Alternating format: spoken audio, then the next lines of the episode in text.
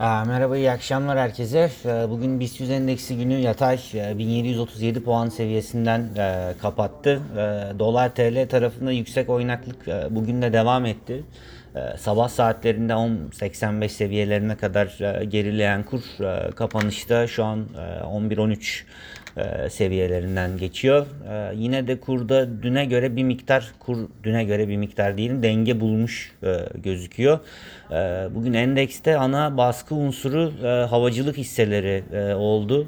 Almanya Sağlık Bakanı'nın ülkede tam kapanma olabileceğine dair açıklamalarından sonra havacılık hisselerinde e, sert satış e, vardı.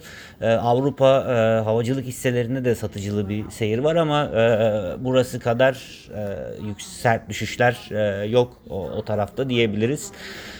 Havacılık hisselerinin performansından, sektörünün performansından etkilenen e, Tüpraş ve son dönem iyi performans gösteren bankalarda endeksi aşağı çeken e, tarafta. E, Demir çelik şirketleri Şişecam ve Aselsan ise endekste olumlu katkı yapan e, tarafta ön plana çıkıyor.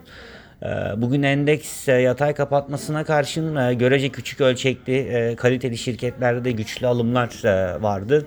Hektaş, Deva Holding, Birisa, Indes ve Enerjisa bizim gözümüze çarpanlardan.